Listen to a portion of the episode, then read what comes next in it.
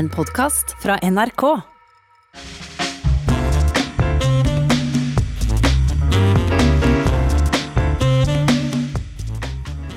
Nordavind fra alle kanter. Ingen skam å snu Jonas.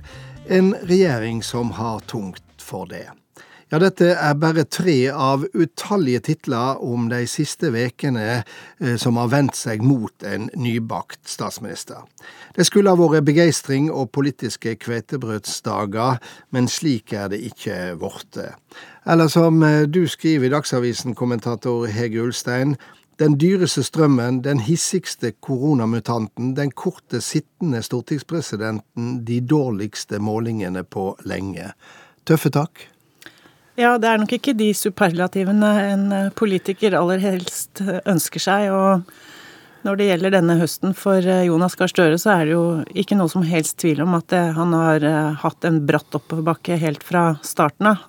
Allerede kvelden før den nye regjeringen kom ut på, på Slottsplassen, så hadde vi jo de grusomme drapshandlingene i, i Kongsberg. Noe av det verste drapet, massedrapet i Norge på, på lang, lang tid. Så kan du legge til da dette med store skandalen, egentlig tillitskrisen på Stortinget, som kom i kjølvannet av pendlerboligsaken til eh, stortingspresident Eva Kristin Hansen, som måtte gå av, og som var starten på en stor skittentøyvask internt i Arbeiderpartiet og eh, en, en større krise knyttet til veldig mange ordninger på Stortinget. Så kom omikron-mutanten med et av de største utbruddene i verden, og det største i Europa, på Aker Brygge i Oslo strømkrisa, som for så vidt var ventet, men som eh, nok har blitt mye verre og vanskeligere enn eh, noen kunne se for seg. Og i tillegg så har de da sunket på målingene, både Arbeiderpartiet og Senterpartiet, og de er også dårlige på de målingene som, eh, som handler om hvorvidt folk har tillit til håndteringen av korona. Så det er, det en lang liste med, med ikke spesielt hyggelige saker. Du er også med VG-kommentator Tone Sofie Aglen. Etter to måneder i statsministerbostaden, er det som kriseleier Jonas Gahr Støre nå får testa seg? Eh, ja, eh, for jeg tror de hadde en lang liste med politiske saker de hadde lyst til å gyve løs på, som handla mye om distriktspolitikk, reversere reformer. Alt det der eh, kommer jo helt i bakgrunnen. og blir nesten egentlig bare sånn sand i maskineriet. Eh, nå er det disse store krisene som eh, dominerer. og Det er nok litt urettferdig mot Støre og hans mannskap. Men det etterlatte inntrykket er at de, de var for dårlig forberedt. og ikke har klart å handle raskt nok og kommunisere godt nok sine løsninger. Eh, Erna Solberg fikk jo et dramatisk oljeprisfall. Hun fikk kriminvasjonen, Krim-invasjonen, flyktningkrisa og koronapandemien på si vakt, og fikk jo etter hvert poeng fra velgerne for krisehåndteringa si. Eh, kan det samme skje med Støre, Tone Sofie Aglen? Ja, Det er jeg mer usikker på. Det er jo noe av det som man har vært ganske samstemt om. Erna Solberg at hun har håndtert mange av de krisene godt, sjøl om man har vært uenig politisk. Eh, eh, det er altfor tidlig å, å, felle noe dom over eh, Støres håndtering, men når det gjelder håndtering av pandemien, så tror jeg nok at nesten uansett hvem som hadde styrt, så tror jeg det er mye vanskeligere å få den, den tillitsboosten som vi så Erna Solberg fikk nå. For folk er lei på en helt annen måte. Det er en mye større slitasje. og det er mye mer rom for kritikk og uenighet enn det vi så i fjor. Jeg, jeg, tror absolutt at eh, Støre har muligheten til å håndtere disse krisene og andre kriser som kommer, på en god måte. Og jeg mener at det er altfor tidlig å felle noen dom over hvordan, eh, hvordan dette har gått etter, etter, så kort tid som vi snakker om her. Han nevnte jo selv på pressekonferansen eh, i statsministerboligen tidligere denne uka at det er en stor trussel under oppseiling i og rundt Ukraina, en internasjonal krise. Og han var også inne på at eh, Norge nå eh, er innstilt på å ville ta en lederrolle for å utvikle og sørge for at Afrika får nok vaksiner, slik at vi unngår mutanter i, i framtiden, som jo er kanskje det aller, aller viktigste tiltaket vi kan gjøre på, på litt lengre sikt for å få slått ned denne pandemien. Sånn at jeg, jeg, vurderer slik at han har absolutt muligheten fortsatt til å, til å, kunne håndtere både disse krisene og kriser som kommer. Men det er klart, som Aglen er inne på, så er jo det en statsminister aller helst vil drive med. Både Erna Solberg og Jonas Gahr Støre. Den politikken de har gått til valg på, å iverksette den og, og få de planene til å fungere.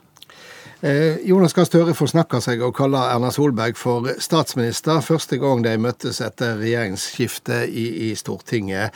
Eh, dumt spørsmål kanskje, men likevel trenger ikke bare Støre, men, men, men også nordmenn flest litt tid til å venne seg til at det ikke er Erna Solberg som leier landet lenger, eh, Tone Sofie Aglen? Jo, man gjør nok det. og I hvert fall når det gjelder pandemihåndteringa, så har jo folk blitt veldig vant til å se Erna Solberg og Bent Høie på de pressekonferansene. Det har de jo holdt på med i ett og et halvt år. Så jeg tror nok at uh, uansett at den overgangen til et uh, nytt lag vil ta litt tid å sette seg. Men jeg tror dessverre for dem at uh, pandemien er på et annet nivå nå. og Det er nok vanskeligere å lede landet på en god måte og framstå som en landsfader eller landsmoder nå enn det var når pandemien brøt ut.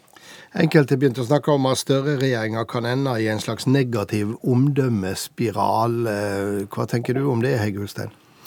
Det er klart at det er jo en fare ved å få en så røff start som de har fått. Det, er vel egentlig to store problemer med det. Det ene er det du er inne på, at de har bare én mulighet til å gi et første, førsteinntrykk, og det er å komme på med ny energi, ny giv, optimisme, ha et nytt lag og, og få vise seg fram eh, fra den solskinnssiden. Det, det, det, har regjeringen mulighet til bare én gang, og det er når den går på. og den, den er borte. Og så er det vel mest sannsynlig også sånn at det å få et lag til å fungere sammen og tenke litt høyt, snakke om hvordan skal vi sette preg på Norge, få gjennom eh, plattformen vår Alt det der blir jo også sannsynligvis veldig mye borte i hverdagen for hvert fall mange av statsrådene, som må jobbe med helt andre ting, og som nå sitter på hjemmekontor for å håndtere en pandemi. Og det er klart at det også gjør at du, at du får en veldig utfordrende start.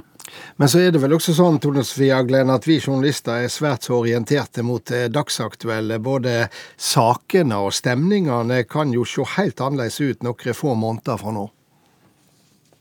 Absolutt, og det snur fort. og jo, Vi trodde jo når regjeringa ble utnevnt at, eh, at, det var mye entusiasme og mye optimisme rundt det. Det var vel få som så for seg at vi skulle havne i den situasjonen eh, vi er nå, så det kan eh, selvfølgelig snu. Jeg tror det avhenger veldig av at pandemien legger seg, at ikke det blir langvarig. Mye tyder jo på at, at, det, at det går bra i norsk økonomi, at det er mye som peker framover. Også vi kan nok Vi får håpe nesten for Støre sin del at det ser litt lysere ut i det nye året.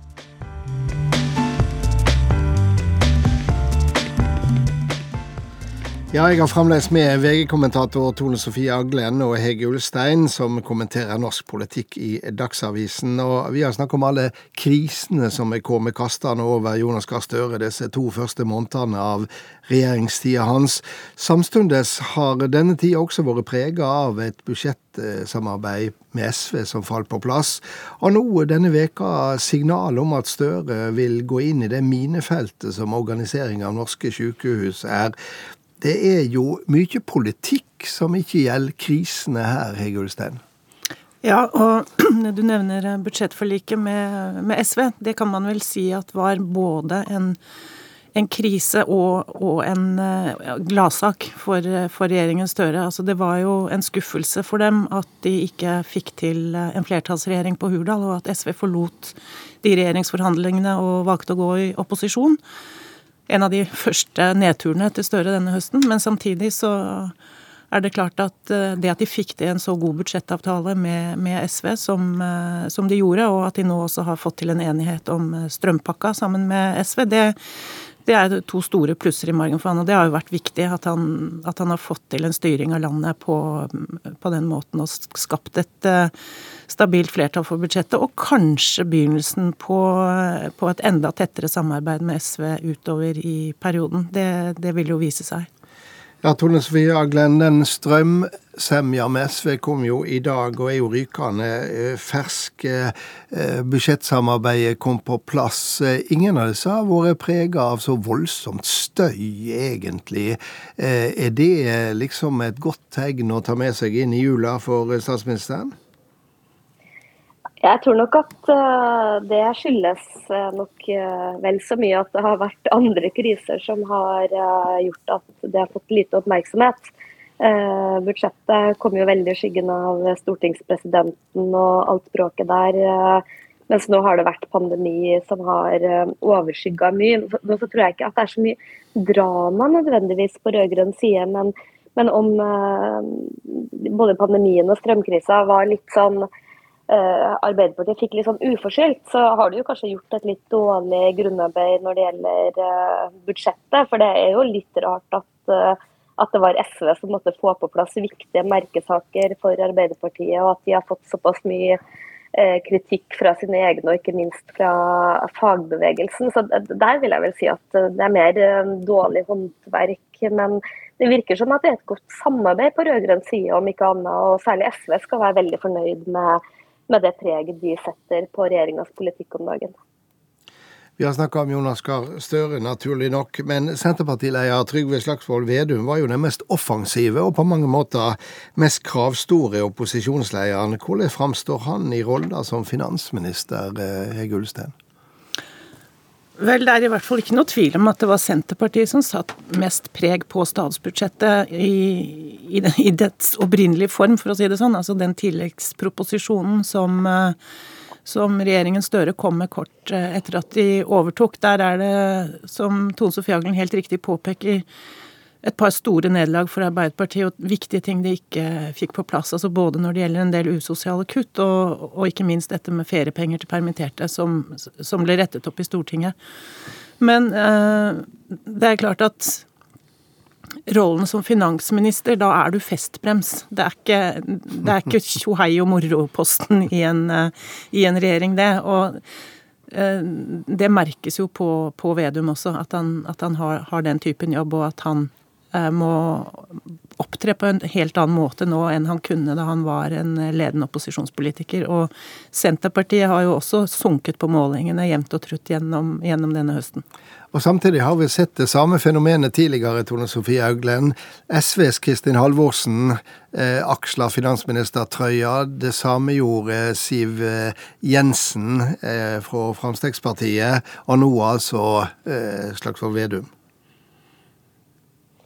Ja, det har jo blitt en slags tradisjon. Og det har jo vært noe man har snakka mye om, at partilederne eh, forsvinner, eh, ikke får eh, tydeliggjort primærpolitikken. Derfor var det jo spenning veldig lenge, og det var nok også en intern diskusjon om Vedum faktisk skulle bli finansminister, eller om han heller skulle bli kommunalminister eller et departement hvor han kunne skinne litt mer. Jeg syns det er litt tidlig å si om han om han forsvinner eller ikke. Jeg har ikke sett så veldig mye til han siden han kjørte denne SUV-en sin med statsbudsjettet første dag. Det var jo veldig typisk uh, Vedum. Men uh, jeg tror nok også han trenger en del tid i rollen. Og så tror jeg som sagt at veldig mye av de sakene de egentlig har lyst til å snakke om, og løse opp fylker og penger til Nesna for å gjenopprette skole og sånne ting, de, de forsvinner litt når så mye handler om pandemi. Men samtidig har vi jo sett at både når det gjelder lærerutdanninga på Nesna og eh, oppløsning av tvangssammenslåtte fylker, så, så, virker ikke det så enkelt som eh, det kunne synes i, i valgkampen, Hege Ulstein? Det er absolutt. Og jeg tror eh, når det gjelder i hvert fall oppløsning av Viken, så der ligger det en udetonert eh, katastrofe, muligens. Altså fordi, og Innlandet, kanskje? Også. Ja, og for så vidt Innlandet. Der, der var det jo et, en utbryter i Arbeiderpartiet som skapte problemer internt der. Men når det gjelder Viken så dreier det seg jo om at Akershus Arbeiderparti eh, egentlig ikke ønsker å oppløse Viken. Og hvis de bryter rekkene, og det igjen fører til at eh, det ikke blir noe av den oppløsningen, som er et av de viktigste valgløftene til Senterpartiet, da tror jeg vi kan legge til grunn alle sammen at da blir det sur stemning i, mellom Arbeiderpartiet og Senterpartiet. Ikke bare lokalt i Viken, men også, også på nasjonalt nivå. Så det, det, der kan bli en ganske tøff, tøff sak for, for, den regjeringen framover. Ganske kort til slutt, Tone Svea Glenn. Jonas Gahr Støre han legger snart siste hand på nyttårstalen. Hva bør være hovedbudskapen? Jeg tror i hvert fall at det han har lyst til å si, er at han vil gjøre eh, hverdagen enklere for vanlige folk. Og så vet ikke jeg hva han kommer til å si, men jeg håper i hvert fall at han sier at uh, vi nå er der. At folk trenger verken å bekymre seg for strømregninga eller pandemien. Men jeg frykter at det er mer en ønskedrøm fra min side enn en realitet. Har du et kort og godt forslag til han Hege Ulstein? Jonas Gahr Støre er en politiker som liker å se utover landets grenser, og den talen skal han holde bare noen få dager etter, eh, nei, før vi markerer at det har gått ett år siden stormingen av Kongressen i USA. Så jeg eh, tipper at han kommer til å si noe om det, og så tror jeg også at han vil være opptatt av da å ha et budskap som går mot polarisering og motsetninger. Det så vi også på pressekonferansen, og at han lot seg ikke dra inn i en type retorikk som var eh, veldig sånn hard mot vaksinemotstandere, f.eks. Så jeg tror han har et ønske om å samle, og er klar over at når det er tøffe tider, så er det ekstra viktig å eh, stå opp for en sånn type samlende retorikk, og ikke la seg friste til å polarisere. Det som i hvert fall er helt sikkert, er at svaret får vi første nyttårsdag. Tusen takk til dere to, Tone Sofie Aglen og Hege Ulstein. Og så runder jeg av med min faste kommentar. Her er denne ukas Stang inn, stang ut.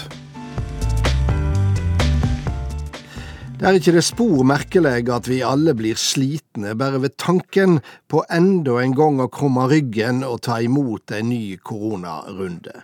Vi som noen korte høstmåneder trodde at nå var det meste over. Så var det ikke det likevel og med nye koronabølger følger ny debatt om styresmaktene sine tiltak. Det er som det skal være. For det er ikke slik at vi tidligere har godtatt alt som har kommet, tenk bare på debatten om hytteforbud. Men det vi ser her i Norge er likevel en saklig og sunn debatt. Ser vi rundt oss i en del europeiske land, for ikke å snakke om i USA, ser vi en helt annen type diskusjon og mannjevning. Der oser det av djup mistru til at styresmaktene vil folket sitt vel med koronarestriksjonene. Og der ser vi også at til og med graden av vaksinering følger politiske skilleliner. I USA til dømes er det langt færre republikanere som vaksinerer seg, enn det er demokrater som gjør det. Og vaksineringsgraden er desidert lågest i områder med mange Trump-tilhengere. Samme fenomenet finner vi på denne sida av Atlanteren. I regioner der populistiske og ekstreme politiske rørsler har høy oppslutning, ja, der er det færre som vaksinerer seg. Den siste tida har vi også sett at den nye pandemibølga splitter på et annet vis enn tidligere. Ikke bare ved at eh, vaksinemotstanderne er sintere og vært mer militante, men også ved at det flertall som har tatt vaksinen, angriper de som ikke gjør det. De vaksinerte opplever det slik at uvaksinerte setter seg sjøl, andre og en mer normal hverdag på spill. Dette siste har vi sett tendenser til også her i landet, men eh, uten at vi av den grunn har sett de tøffeste utslagene av slik polarisering. Men eh, nå ligger sinnet tett under overflata også her, mener den observante kommentatoren Kjetil Widsvang i Dagens Næringsliv. Han har tatt seg bryet med å se på de trendene som nå herjer rundt på det europeiske kontinentet, og som vi heller ikke her hjemme er fri for. La oss håpe vi greier å tøyle eh, dette sinnet. Vi har jo mer enn nok med å håndtere den hverdagen som pandemien har snudd på hovudet. Heldigvis nyter vi godt av å ha et samfunn der vi stort sett har en grunnleggende tillit til at styresmaktene vil oss vel. Det vil de jo også. Derfor er ikke slik tillit et uttrykk for naivitet eller underdanighet. Det er uttrykk for nøktern vurdering og erfart realisme. Ja, det er rett og slett et uttrykk for at vi er et oppegående folk om vi så skal gi oss sjølve den attesten. Og det kan vi jo gjøre. For en gangs skyld, i alle fall. God helg.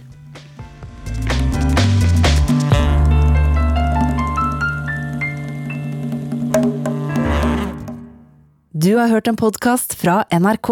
Hør flere podkaster og din NRK-kanal i appen NRK Radio.